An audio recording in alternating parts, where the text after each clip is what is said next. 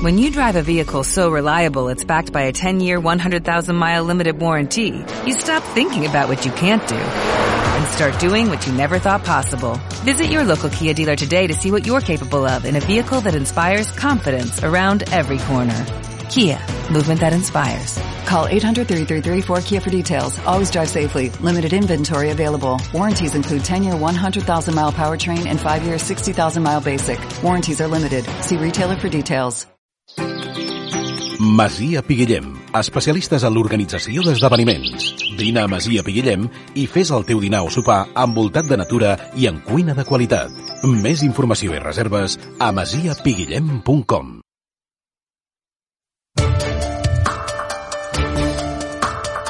L'economia, la salut, el benestar, la vida social, la solidaritat estan en el punt de mira. En el punt de mira és un programa per tractar en profunditat totes aquelles qüestions que ens envolten. En el punt de mira, un programa d'entrevistes amb Josep Lluís Navarro. Bon dia, radioients. Avui parlarem dels efectes de l'energia nuclear sobre la població i el medi ambient avantatges i desavantatges. L'energia generada per les centrals nuclears és barata i no contamina, però i després què? Òbviament deu ser de les més eficients en la producció d'energia elèctrica sense generar CO2. L'urani és una energia renovable? No obstant, els riscos en cas d'accident són de conseqüències catastròfiques. En el cas d'una fuga radioactiva, quins són, doncs, aquestes conseqüències? La contaminació radioactiva, en termes de temps, té una durada? La contaminació es limita a l'àrea en qüestió o pot afectar més zones? Per tal de conèixer millor aquesta problemàtica que ens afecta, tinc el plaer de presentar-vos al professor Carles Domingo Miralles, del Departament de Física de la Facultat de Ciències de la Universitat Autònoma de Barcelona. Bon dia i benvingut, professor Domingo. És un plaer tenir-lo aquí a Radiolot. Bon dia. Escolti, professor, primer de tot, i pels que no tenim ni idea del tema, per què no definim una mica l'energia nuclear? d'on ve, on, on es genera, com es genera, una mica com, com funciona això. A veure, l'energia nuclear, com qualsevol altre tipus d'energia, prové de la transformació, és a dir, sabem que l'energia no es crea, no es destrueix, sinó que la obtenim a partir de la transformació d'altres formes d'energia. I en el cas de l'energia nuclear eh, diguem que la millor definició que en podem donar és aquell tipus d'energia que s'obté a partir d'un procés, d'una reacció nuclear, entenent com a reacció nuclear aquella, aquell procés en el que els nuclis de diferents elements es junten o es trenquen de manera que el balanç total doni una pèrdua de massa i aquesta massa que es perd és el que genera l'energia que aprofitem. Correcte, déu nhi -déu, eh? déu nhi això de la pèrdua de massa. Ah, deixi'm preguntar-li, insisteixo que no hi tinc ni idea, eh? aquesta um, pèrdua de massa seria el vapor? No, no, és massa que desapareix. Estem parlant Val. de, de la teoria d'Einstein, de la teoria bueno, de, de, de, de la formulació d'Einstein de l'equivalència entre massa i energia. És a dir, no és massa que es transformi de sòlida a vapor o no és massa que canvi d'estat. És massa que literalment desapareix. desapareix. Si nosaltres pesem totes les coses que posem en la reacció nuclear que fem servir per obtenir energia i després pesem les coses que surten entre el resultat que hem trobat primer i el resultat que hem trobat després, eh, hi ha un balanç negatiu de massa, eh, incloent tot el que surt en forma de vapor i en forma de coses que siguin difícils de detectar. No, no és que sigui difícil de detectar, no, és que desapareix. desapareix. Val? Llavors Einstein va formular en el seu moment l'equació que lliga l'energia en funció de la massa i eh, diguem que aquesta equivalència, clar, les coses no es creen ni es destrueixen, si desapareix massa apareix energia, si desapareix energia també podem fer que aparegui massa. Correcte. Escolti'm, i quina diferència hi hauria entre la fissió i la fusió? A veure, això és bàsicament el tipus de procés nuclear del que estem parlant. La fissió, que és potser la més coneguda perquè és la que avui en dia sabem utilitzar d'alguna manera per obtenir energia, val? consisteix en el trencament de nuclis d'espècies nuclears que són pesades, tipus urani, per exemple. Un nucli d'urani es trenca en trossets més petits, al fer el balanç de les masses inicials amb les masses finals, ens dona que desapareix massa i això produeix energia per fissió. En canvi, la fusió és el contrari. És agafem nuclis que són petits, els ajuntem i com a conseqüència d'això també tenim que el balanç de massa torna a ser negatiu i això vol dir que també es produeix energia. Tipus agafar nuclis d'hidrogen per formar nuclis més grans. De fet, eh, el, el paradigma de la, de la fusió nuclear és acabar obtenint eh, nuclis d'heli, que és un gas noble inert i que en principi seria totalment innoc. Què passa? Pues que la, la fusió nuclear fa, en fi, jo que ja tinc una edat, doncs fa 40 anys que dèiem que era una cosa que aconseguiríem d'aquí 30 anys. Han passat els 30 anys, n'han passat 10 més i encara estem investigant què passa amb la fusió nuclear perquè, eh, a veure, sí, s'ha aconseguit la fusió nuclear, però no s'ha aconseguit d'una manera que sigui rendible la producció d'energia que es treu per la fusió nuclear. Escolti'm, doncs, eh, eh, tal com ens està explicant, aquesta energia eh, permet generar d'altres energies sí. i, i, i, i ho entendríem que, que permet generar altres energies en el moment que ens convingui.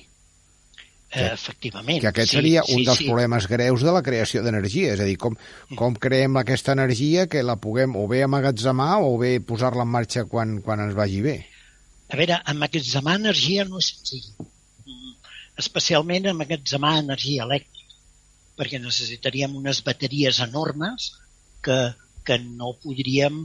Eh, és a dir, podem emmagatzemar energia elèctrica, per dir-ho d'alguna manera, a petita escala, fins i tot potser a nivell domèstic podem emmagatzemar en una bateria d'energia elèctrica, però fer funcionar una indústria amb, amb energia emmagatzemada és complicat. L'energia elèctrica habitualment es, es produeix, entre cometes, sota demanda. És a dir, en el moment que es necessita, es produeix. Que aquesta demanda, per ser, és teòrica, perquè és a dir, es fan els càlculs en base a una demanda anterior. Sí, bueno, però com que en petites quantitats, en petites quantitats sí que es pot anar amb aquest zamant, diguem que sempre hi ha aquesta miqueta de reserva de que quan hi ha un excedent de producció s'amagatzema i quan hi ha una manca de producció es pot tirar una mica del que està amagatzemat. Eh, però, però diguem que a grans trets s'ha de fer una previsió i si és necessari doncs posar en marxa més generadors. Eh, no sé, eh, hi ha d'alguna manera petites centrals que poden ser, bueno, especialment les energies renovables, que són les més senzilles de posar en marxa ràpidament. Eh? Eh, llavors, aquestes, d'alguna manera, són les que, eh, per, per ajustar la demanda a l'oferta en aquell moment, són les que més fàcilment varien. Escolti'm, ara que comenta vostè això de les energies renovables, eh, l'energia nuclear la podríem considerar com a renovable? Uf, això, ho, ho dic, ho dic, ho dic, de contestar. ho dic des del punt de vista de que, bueno, tindrem aquí unes, eh, un, un, un material, unes barres d'urani allà ficades que van generant energia i quan sí. dura això? Bueno, a veure, eh, jo l'energia nuclear de, de fissió no diria mai que és renovable, perquè, eh, òbviament, el combustible és urani i la quantitat d'urani que podem treure de les mines de la Terra és limitada és en aquests moments menys limitada que els combustibles fòssils, però és limitada a llarg termini. Per tant, eh, compta amb dir-li renovable. Una altra cosa és la fusió, perquè la fusió estem fusionant àtoms que comencem per àtoms d'hidrogen que en l'aigua en tenim. I, per tant, eh, diguem que, que d'alguna manera eh, aquesta aigua que tenim a la naturalesa seria una font de, dels àtoms que necessitaríem per eh, tenir aquesta energia de fusió.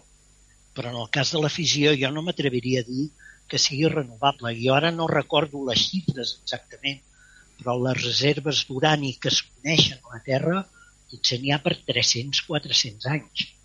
Ens solucionen el problema avui, sí, sí, però, no, però, però... Però, però no per sempre. Però, escolti'm, o dit d'una altra manera, el, el material, eh, l'urani que tenim a les centrals nuclears per, per generar aquesta energia, eh, quina durada té? Es gasta? A veure, es gasta, es gasta en petites quantitats, però es gasta.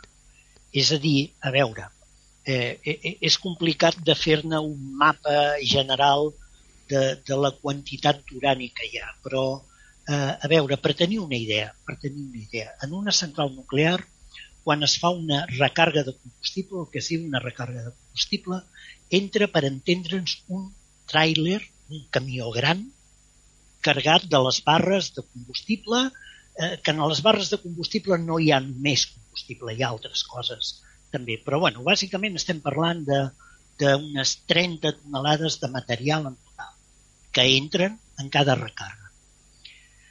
Um, la recàrrega es fa, depenent dels cicles que tingui cada central nuclear, es fa un terç del reactor cada any i mig, aproximadament.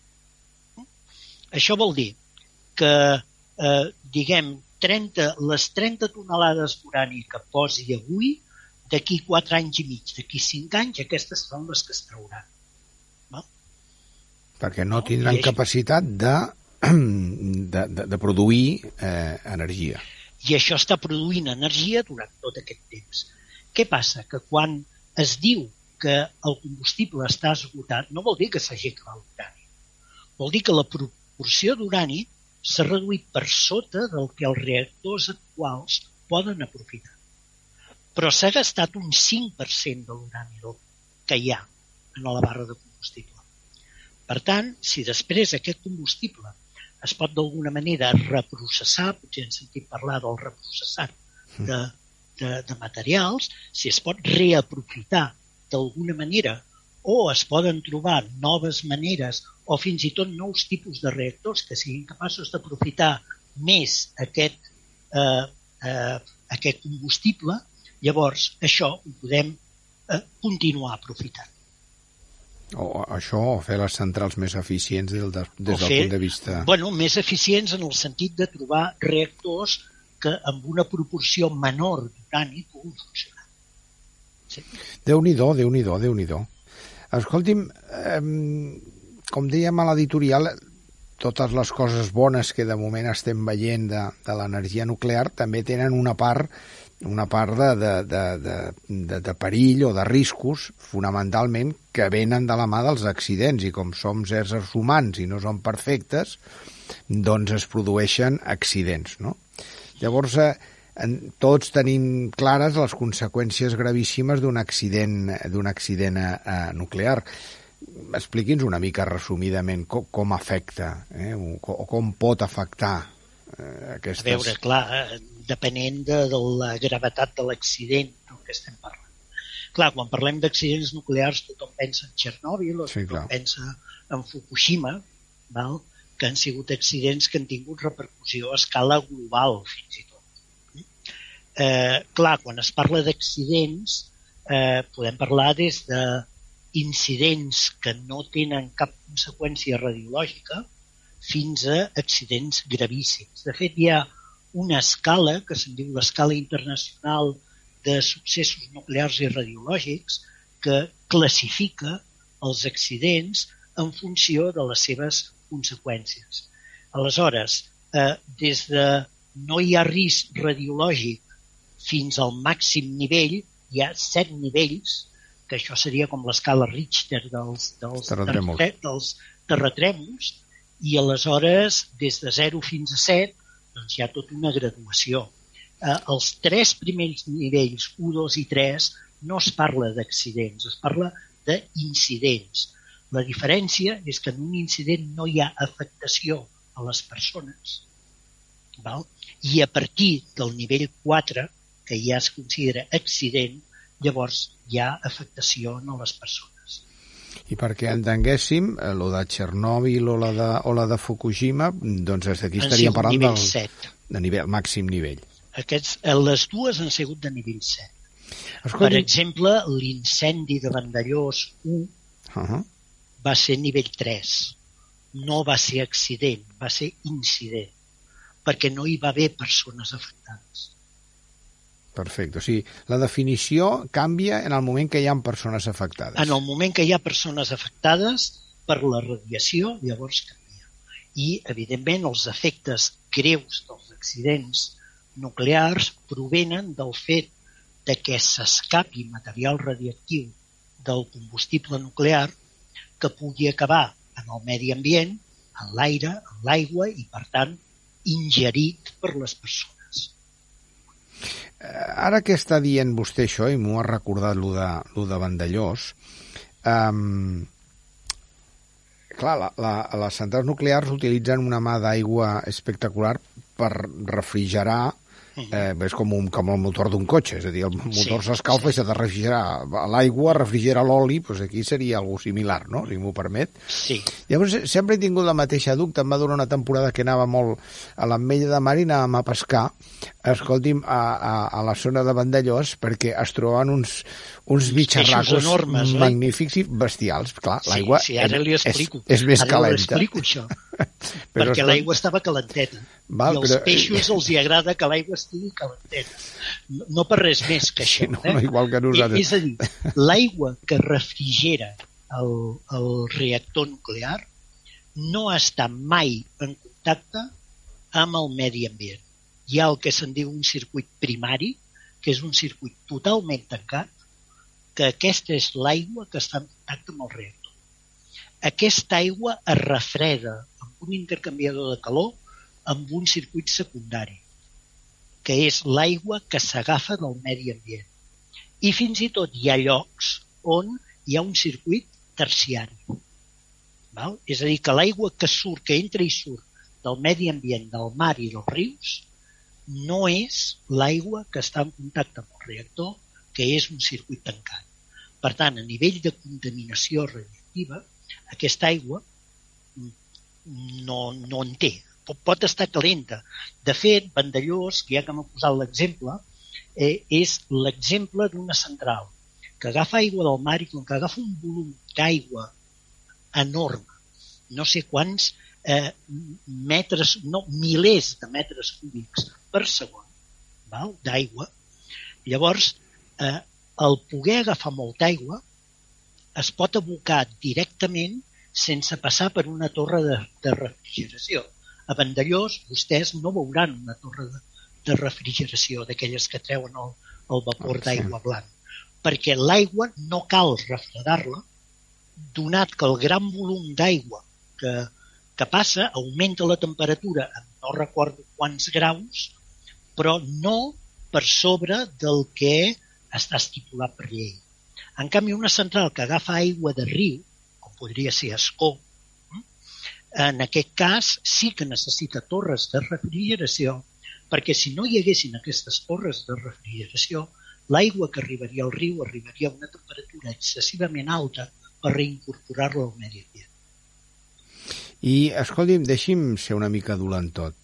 Eh, a Vandellós no passarà, evidentment, però eh, Ascó, que tenim una dependència de l'Ebre i que l'Ebre ja sabem com va moltes vegades, què passaria si no tinguéssim aquesta aigua?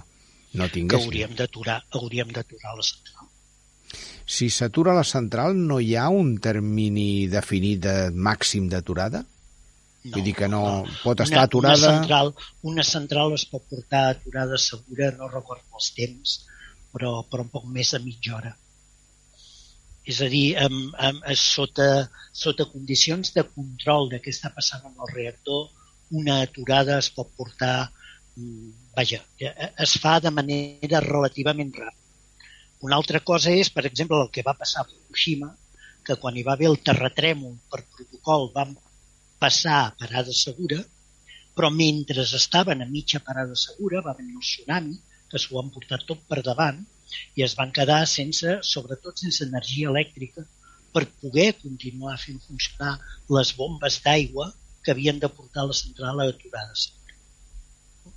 Aquí Però les aturades, les aturades, encara que siguin d'emergència, es poden fer de manera relativament ràpida. Aquí parlem ja d'una suma de factors i de, de, de factors sí. d'emergència, de, de, és a dir, clar, van, els hi va caure sí, sí, tot. Clar, eh, clar ningú s'esperava a Fukushima que hi hagués el tsunami que va haver, per exemple. No. Escolti'm una cosa, i, i deixi'm preguntar-li, i, i amb els residus, és a dir, quan es descarrega aquest material radioactiu que ja no arriba aquest, aquest, aquesta graduació mínima per, per ser utilitzat pel reactor, què, què se'n fa d'això? Bueno, doncs aquest, aquest eh, és el gran punt de batalla a dia d'avui. És a dir, ehm, eh, eh, si més no, en, el nostre país no hi ha una política gaire clara sobre què es fa amb els residus. Hem sentit parlar tots dels magatzems temporals de residus. Eh, aquests magatzems temporals són magatzems en els quals eh, s'estima que, que els residus... Eh, hauríem de parlar també de la classificació dels residus, però ho faré després, en tot cas. Eh, en aquests magatzems temporals es guarden els residus, que són el que queda de les barres de combustible nuclear, i eh, els contenidors i aquests magatzems estan dissenyats per tenir una durada aproximada d'uns 300 anys. Eh, què s'ha de fer després? O què s'ha de fer durant aquests 300 anys? Home, el més lògic de fer seria eh, agafar el material que hi ha aquí dintre i classificar-lo en funció de diverses coses. És a dir, d'una banda, agafar l'urani que quedi per reaprofitar-lo per una altra banda, de tots els residus que generen, hi ha eh, residus que tenen el que se'n diu una vida mitjana curta, curta pot ser mesos, pocs anys, i hi ha residus que tenen una vida mitjana llarga que poden arribar doncs, fins i tot a, a, a milers d'anys. Llavors, eh, l'avantatge dels residus de vida mitjana llarga és que n'hi ha molt pocs, la quantitat és petita. Els que tenen una vida mitjana curta, si s'amagatzemen un temps suficientment llarg, deixen de ser eh, actius, deixen de tenir radioactivitat. La radioactivitat segueix una llei que disminueix amb el temps i, per tant, si deixem passar un temps suficientment llarg, l'activitat d'aquest eh, material radioactiu disminueix. Si ens esperem prou, disminuirà per sota dels nivells en els que sigui perillós. Ens queden els residus de vida mitjana llarga. I amb aquests, eh, si li he de ser sincer, jo penso que ningú sap gaire bé què se n'ha de fer d'ells. És a dir, o es tiren al fons del mar, o es busquen, o es busquen mines abandonades per enterrar-los sota de terra, o com hi ha hagut algú que ha dit, s'agafen i s'envien a la Lluna. El que passa que, clar, enviar un coet a la Lluna amb residus radioactius, si el coet eh, té una errada, una fallada a l'atmosfera, doncs, en fi, tothom entén que és, que és el que passaria. I segurament no seria gaire bonic tenir-ho. Déu-n'hi-do. Mm. sí, sí, no, no, aquest és el problema. Els residus de, de llarga durada és potser el que està menys solucionat, tot i que se sap eh, que, que hi ha llocs que són geològicament suficientment estables com perquè, eh, diguem, no, no hi hagi moviments de terreny que impliquin eh, que aquests residus, una vegada amats, puguin sortir. De fet, hi ha llocs eh, que es coneix geològicament en els quals de manera natural hi ha hagut una reacció natural enterrada eh, a molts metres sota terra i ningú mai havia detectat que hi havia radiació sortint de la Terra.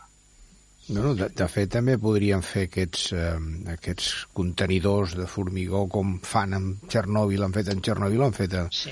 a Fukushima. Sí, el que passa que la durada d'aquests contenidors, eh, clar, no, segurament milers d'anys no sé si durarien, no?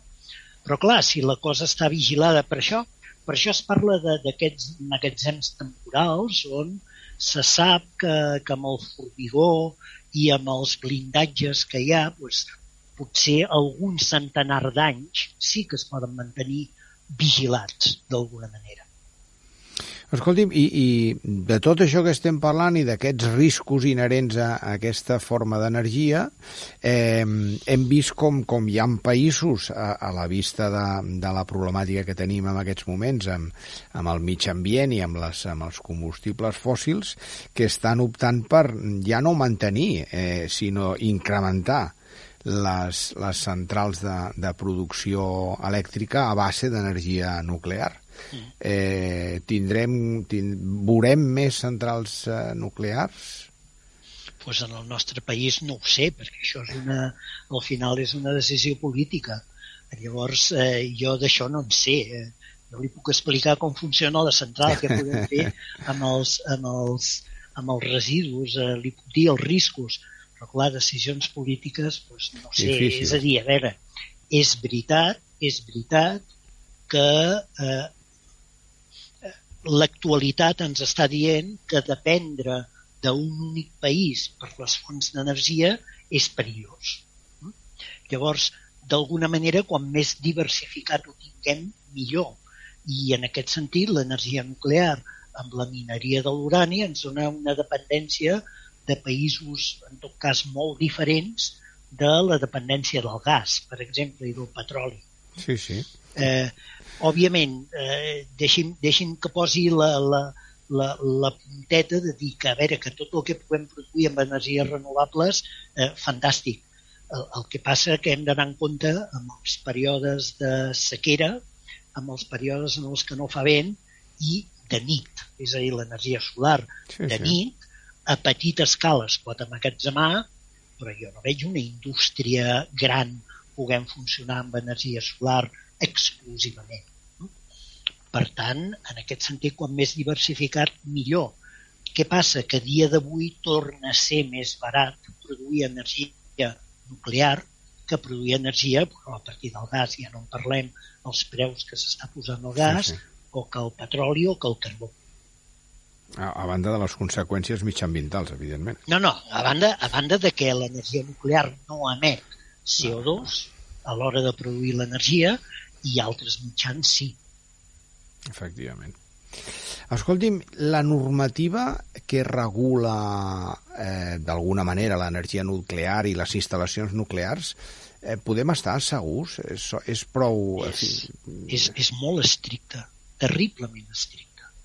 És a dir, jo un comentari que acostumo a fer moltes vegades, fins i tot als meus estudiants, els he dit que si tota tota la indústria tingués una normativa semblant a la de l'energia nuclear o en general de les instal·lacions que utilitzen eh, elements radioactius, eh, el nombre d'accidents laborals caurien picant perquè és una normativa molt estricta.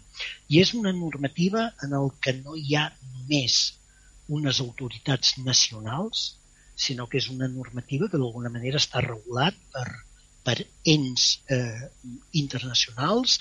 Hi ha l'Organisme Internacional de l'Energia Atòmica darrere, que a totes les centrals del món té inspectors. Vull dir, no estem parlant de que jo com a propietari de la central nuclear poso un inspector. No, no.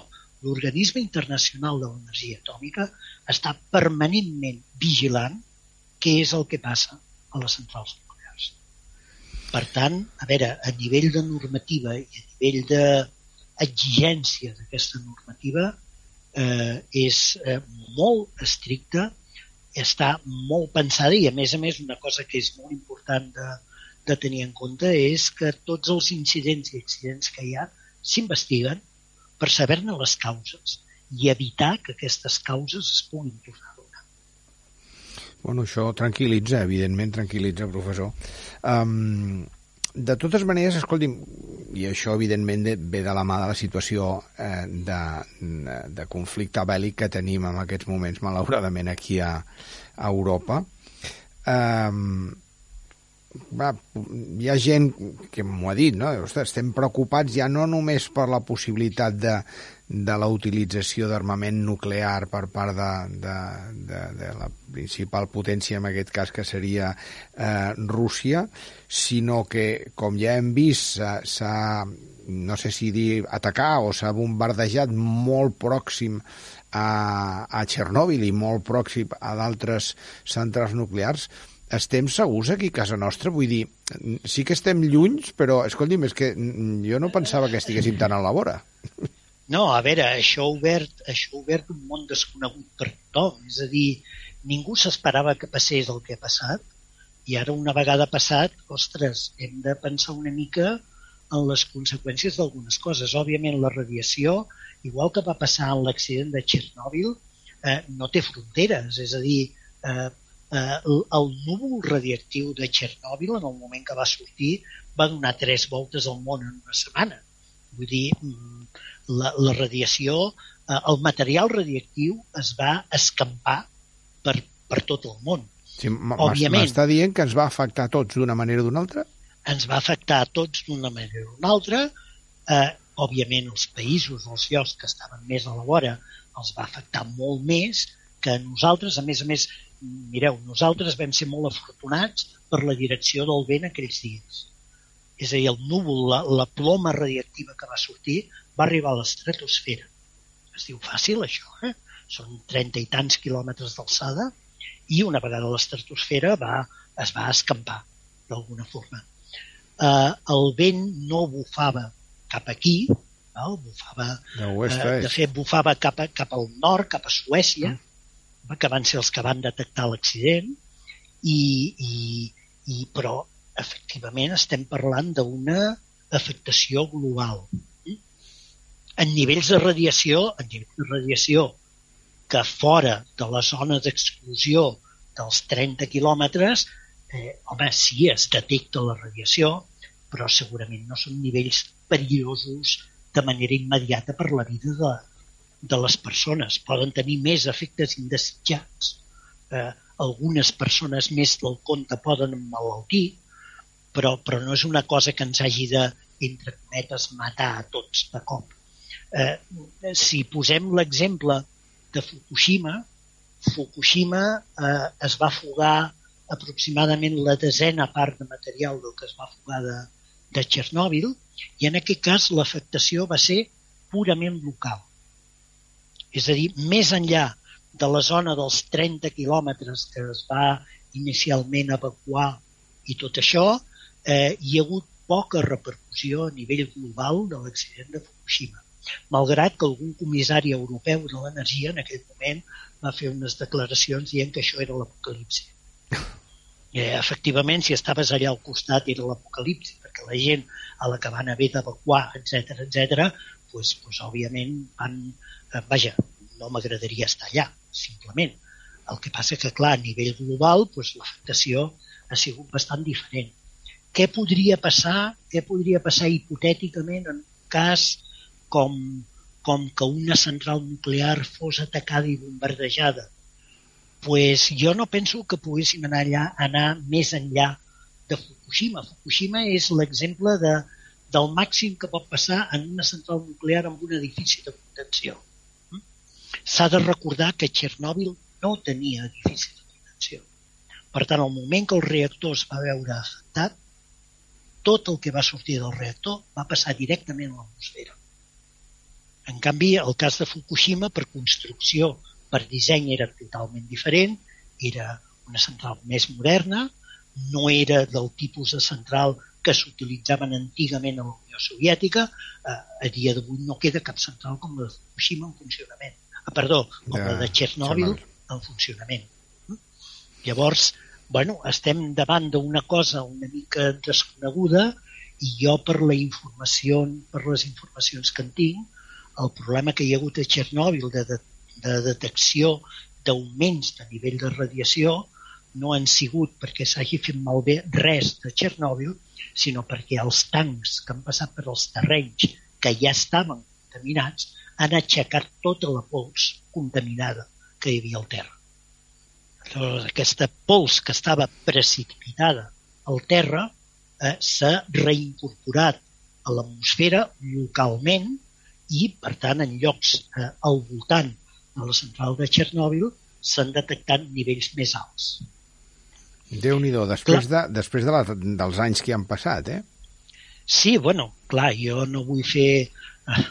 En fi, no vull fer reflexions sobre, sobre, sobre Rússia i els, eh, i la Unió Soviètica i les mm. semblances no, no, entre la Rússia no és, i actual no la Unió cas, Soviètica dels temps de Txernòbil, diguem, no? No és el cas. No però, és el cas. però, però, no sé, l'altre dia parlant amb gent una mica del tema, eh, eh, feien la reflexió de que, home, potser una de les coses eh, que a Rússia no li importaria seria volar una central nuclear, perquè amb ells els donaria igual que la contaminació els hi anés cap allà, però diguem que en el món occidental, que la contaminació ens, ens afectés d'alguna manera, doncs voldria dir que segurament tindríem efectes econòmics immediats, les borses caurien, eh, vull dir, tothom començaria a patir per al futur, etc etc. Mare, mare que no de sé, Déu. No, no ho sé, vull dir que estem en una, estem en una situació sí, sí. Eh, realment eh, imprevista fa molt poc temps i que potser n'hauríem de pensar una mica. Sí, sí, déu nhi déu o, o, o, bueno, potser diríem que em pensar una mica o quasi ni pensar-hi, perquè, clar, si, ens, sí, si no, pensem no, si seriosament, no, no, no, no tenim on anar, eh? com, com vostè diu, clar, arriba sí. a tot arreu, això. Escolti'm, eh, sense no, no volent entrar en aquest capítol que no seria, en essència, la, la, la, el programa d'avui, eh, els, els protocols actuals, em diu, no, no, hi ha, eh, hi ha eh, inspectors a, a la majoria o a totes les centrals nuclears, però veient el, de, el tema de, de, de Txernòbil, diríem que els protocols potser no, no, no són els adequats no, o, o, no, o és no que el eren. tema, el tema de Txernòbil va més enllà dels protocols. Mireu, la, la setmana passada vaig estar en un congrés i en aquest congrés eh, hi havia un dels responsables de protecció radiològica d'Ucraïna. Val? I ens explicava el que havia passat a Txernòbil aquests dies. És que havien entrat les tropes russes eh, a cop de tanc, de metralladora o de tanc, i simplement havien acabat, havien destruït tot l'equipament que tenien de mesura i control de la radiació. Eh, bueno, l'havien destruït o l'havien robat, simplement amb la qual es van trobar, com aquell que diu, amb una mà davant i una mà darrere, intentant eh, fer les mesures i portar els protocols una mica com, com podien. Clar, nosaltres quan pensem en, en protocols de protecció radiològica estem pensant en protocols en temps de, de pau, en condicions normals.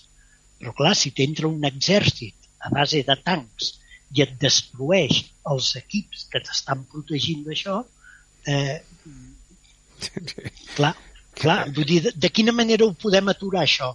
amb un tanc més gran que el de l'invasor, no? De totes maneres és que semblaria impensable això, perquè clar, aquella gent bueno, que estan entrant allà s'estan fent malbé ells mateixos, estan... Sí, sí, bueno, jo no vull entrar en reflexions d'altre tipus no. sobre, sobre aquest conflicte, no? Però, però entrar a un país a destruir-lo, sí, sí. anem a suposar que guanyis, anem a suposar que guanyis guanyaràs què? Un país destruït, sense gent? Sí, sí. No sé. És curiós, curiós. A, a, a mi no m'entra. No, no, segurament no li entra a bastanta gent que no, no entenem d'entrada els problemes militars. Els problemes no es sí. poden resoldre a base de garrotades i en aquest bueno, cas encara eh, són eh, pitjors que les garrotades. Eh, això és el que jo em pensava que havíem après durant l'últim segle però sembla ser que no. no encara no, encara no hem après. Escolti'm una cosa, queda clar, evidentment, que eh, per protegir-nos davant de la, dels riscos eh, de l'energia nuclear, doncs eh, el, el tema és el que en dèiem la, la profilaxi, és a dir, hem d'anar per davant sempre eh, del, dels, dels possibles incidents o accidents eh, de caire nuclear. Escolti'm, no, eh, no voldria acabar... Això és una masterclass de primera, eh? Ens ha explicat aquí, vamos, fantàstic, eh? Això ha sigut fantàstic. Llàstima que se'ns tiri el temps a sobre perquè podíem estar aquí parlant dues sí, hores sí, no, més. podríem estar-hi hores, efectivament. Però, escolti'm una cosa, com, com expert, eh? com expert, aquesta energia que és evidentment tan perillosa o té elements tan perilloses, tan perillosos, um, compensen els riscos eh, envers els beneficis que obtenim? Miri, jo abans de la guerra Rússia-Ucraïna hagués dit que sí. Ara mateix eh, queda l'interrogant aquest de si són capaços de tirar un míssil o una bomba atòmica a sobre d'un reactor nuclear. Amb la qual bueno, diguem, a, a veure, deixi'm dir-ho d'una altra manera. Diguem que en condicions normals, sí, compensen els riscos perquè són riscos que estan sota control i a més a més a mi m'agradaria recordar que no hi ha cap activitat humana que no tingui cap risc. Efectivament. Val? I per tant hem de valorar, i aquí entren elements tècnics, elements econòmics, elements sociopolítics, hem de valorar quins riscos estem disposats a assumir per treure'n algun avantatge. Mm. A mhm. mi, eh, com, com a coneixedor una mica del tema, em sembla que el balanç és positiu.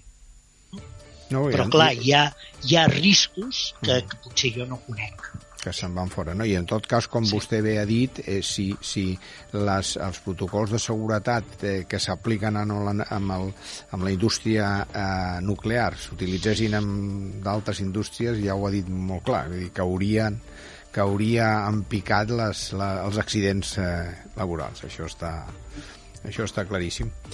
Um, escolti'm, eh, professor, ha sigut, ha sigut un, l'ho dit, eh, una masterclass de primer, de primer nivell.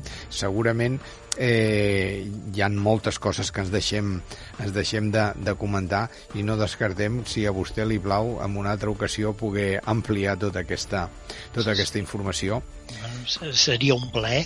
Doncs, eh, l'ho dit, li agraeixo molt, professor Domingo, la, la delicadesa que ha tingut en poder participar en aquesta, en aquesta petita entrevista aquí a Ràdio Lot. Molt bé, moltes gràcies a vostès.